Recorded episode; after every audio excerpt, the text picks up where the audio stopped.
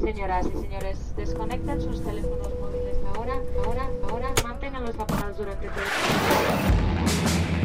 el Bienvenidas y bienvenidos a Urbex, Urbex Tours. Harto del turismo de masas. Descubre el turismo de lugares abandonados. Urbex. Le va la adrenalina, las emociones fuertes, el misterio, las telarañas, el polvo, los cristales, la historia. Urbex Tours con Miriam Duque e Inco Martín. Nosotros le damos las opciones. Su destino lo elige usted.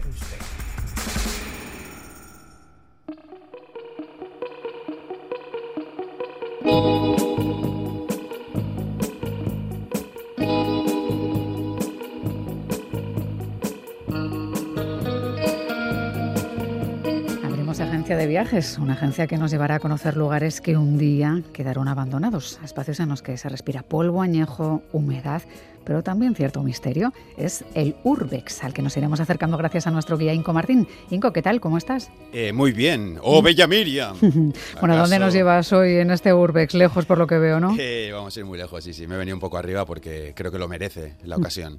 Sí, hoy el Urbex nos lleva pues a, a los hogares de la gente bien de allá en el medievo. Eh, a las moradas de la aristocracia, a castillos, fortalezas, palacios, a esos lugares con brillo y solera que con el tiempo les pasó lo mismo que a sus dueños o dueñas, que de aristocracia pues pasaron a aristorrancia, es decir, que perdieron brillo y solera.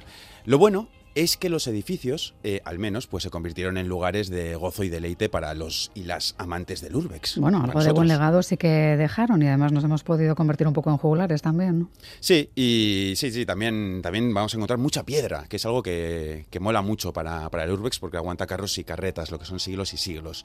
La cosa es, ¿a dónde nos podría llevar una ruta basada en los feudos de la aristocracia medieval?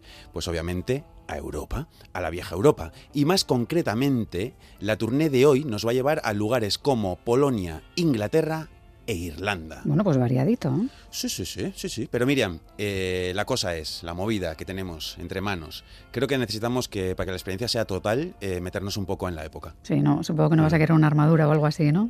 Lo he barajado, ¿eh? he estado probando a la mañana, pero mm, nada, es un poco incómodo para viajar, como mucha rozadura. He tirado por cosas más sencillas. Por ejemplo, como en esa época he pensado que no había interfonos y hay que ser educado cuando vas a un castillo, pues tendremos de utilizar el ¡A del castillo! Cuando lleguemos. ¿Te Vale, supongo que daremos la voz al llegar a cada destino, dices, ¿no? Me encargo yo si quieres, ¿eh? Sí, yo encantado. bien, sí, bien. sí, sí, sí, sí, me gusta, me gusta. Y luego, como medio de transporte, ¿tú qué crees que vamos a hacer? Pues una de dos, o vamos en carro o a pata. Eh, pues ni una ni otra. Vamos Ay. al medievo bien, medievo VIP. O sea, vamos a caballo. ¿Tú has montado en caballo alguna vez? Mm, Pues eh, solo una vez me, me encantó hasta el día siguiente.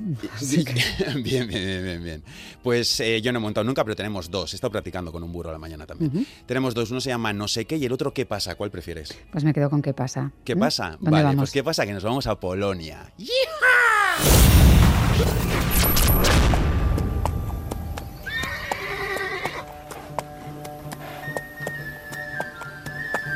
Mira, ese es el castillo de ahí, ¿no?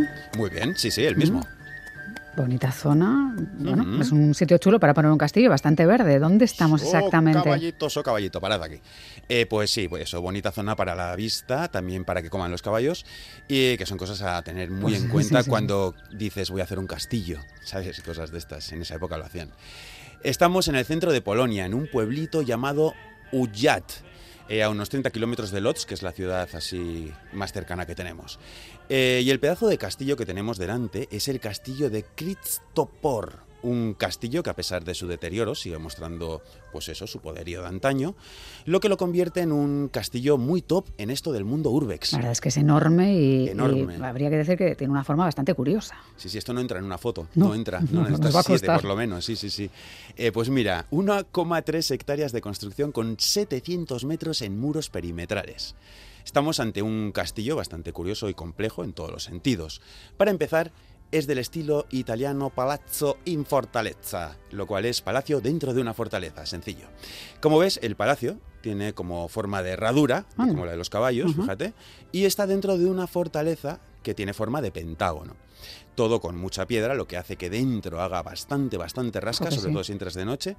Y antiguamente, justo donde ahora mismo están los caballitos, eh, pues había unos jardines estilo italianos muy, muy, muy guapos. Todo a lo grande, por lo que estamos viendo, ¿no? Sí, sí, lo vasto se llevaba en esta época, en el medievo, se llevaba mucho. Y aquí, eh, pues fueron más allá, porque imagina Imagina que tras el de Versalles, el Palacio de Versalles, este fue el edificio palaciego más grande de Europa en aquella época. Bueno, pues la verdad es que es bastante impresionante. ¿Cuándo se construyó exactamente? ¿Cuándo? Pues mira, primera mitad del siglo XVII. La pena es que era tan megaproyecto que la mansión de Krzysztof Osolinsky pues nunca llegó a, acabarse del todo. ¿Y quién era Krzysztof Osolinsky para querer o para poder tener un castillo de esta magnitud? Hace eh, falta dinero y poder. Eh, sí, sí, era un tipo bastante raruno, aparte de gobernador y representante del rey de esta zona. O sea, que era alguien muy importante, digamos, Manejaba, sí, sí. Lo que no sé si importante o igual era más excéntrico incluso, sí. Y este, este castillo, pues es como el máximo exponente de su excentricidad. Al bueno e imaginativo de Christophe, eh, aparte de gobernar, le molaba pues darle a la astrología y a la magia, magia negra.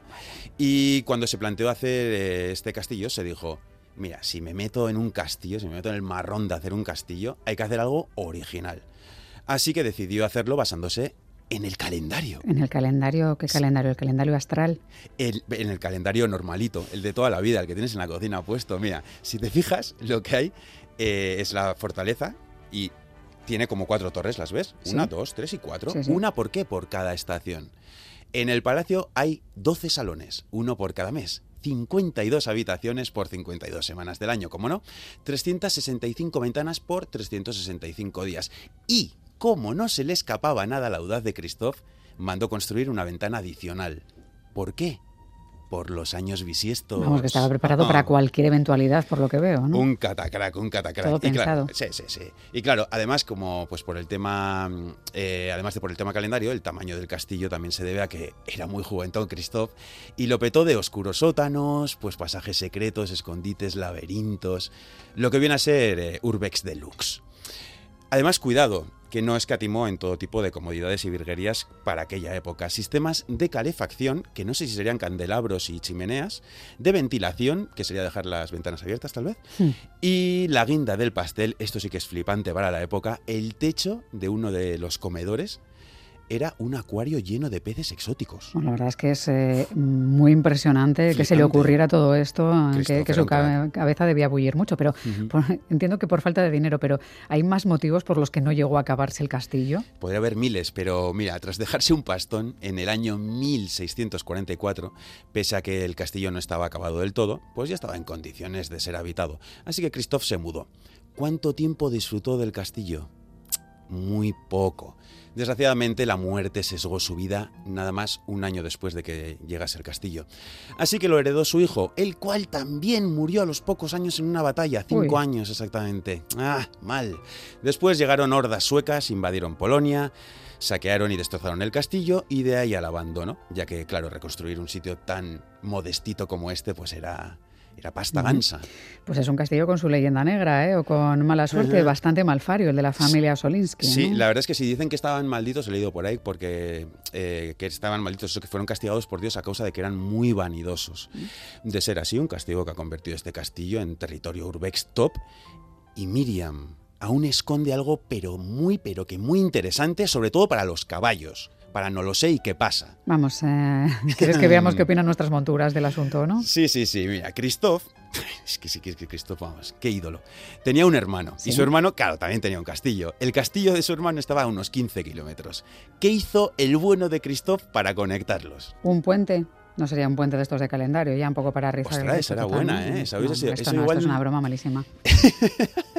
Pero un puente sí, eh, ¿no? ¿no? No, no, no, no, mucho mejor. Lo que hizo es un túnel de 15 kilómetros, que no te lo pierdas, estaba cubierto de azúcar para que los hermanos pudiesen recorrerlo sobre trineos tirados por caballos como si estuviesen viajando sobre nieve. Madre ¿Qué mía, Si esto sería un poco casi droga para los caballos, ¿no? Sí, yo creo que van a necesitar porque nos vamos a ir bastante lejos. Nos vamos a Inglaterra.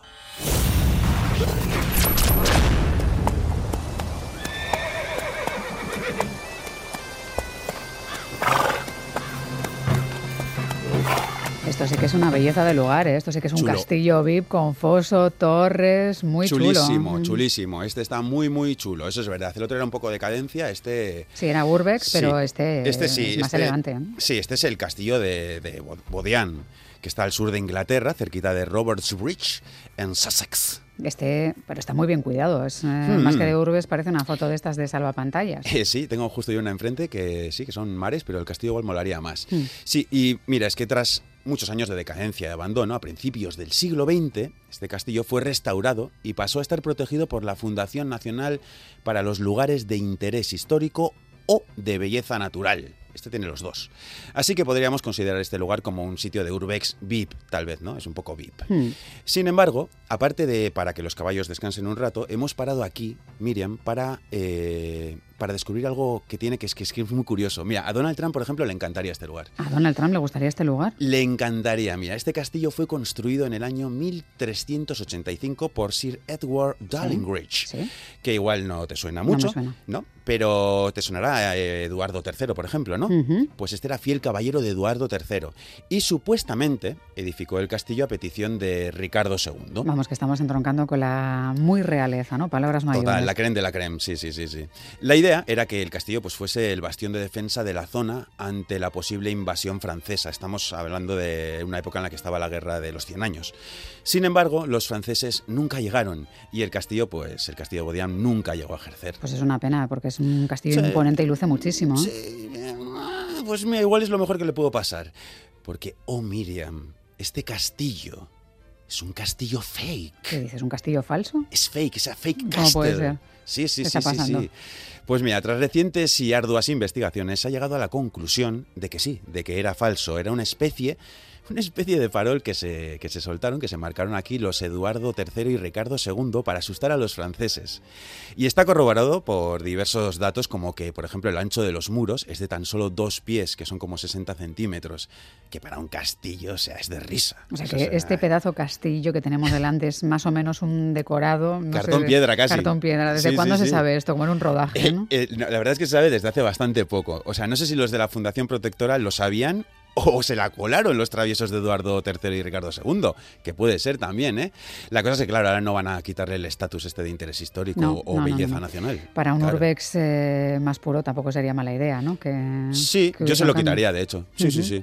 Trotamos un poquito hacia un castillo, esta vez de verdad. Sí, sí, vamos, vamos Venga, trotando. Al trote. decir.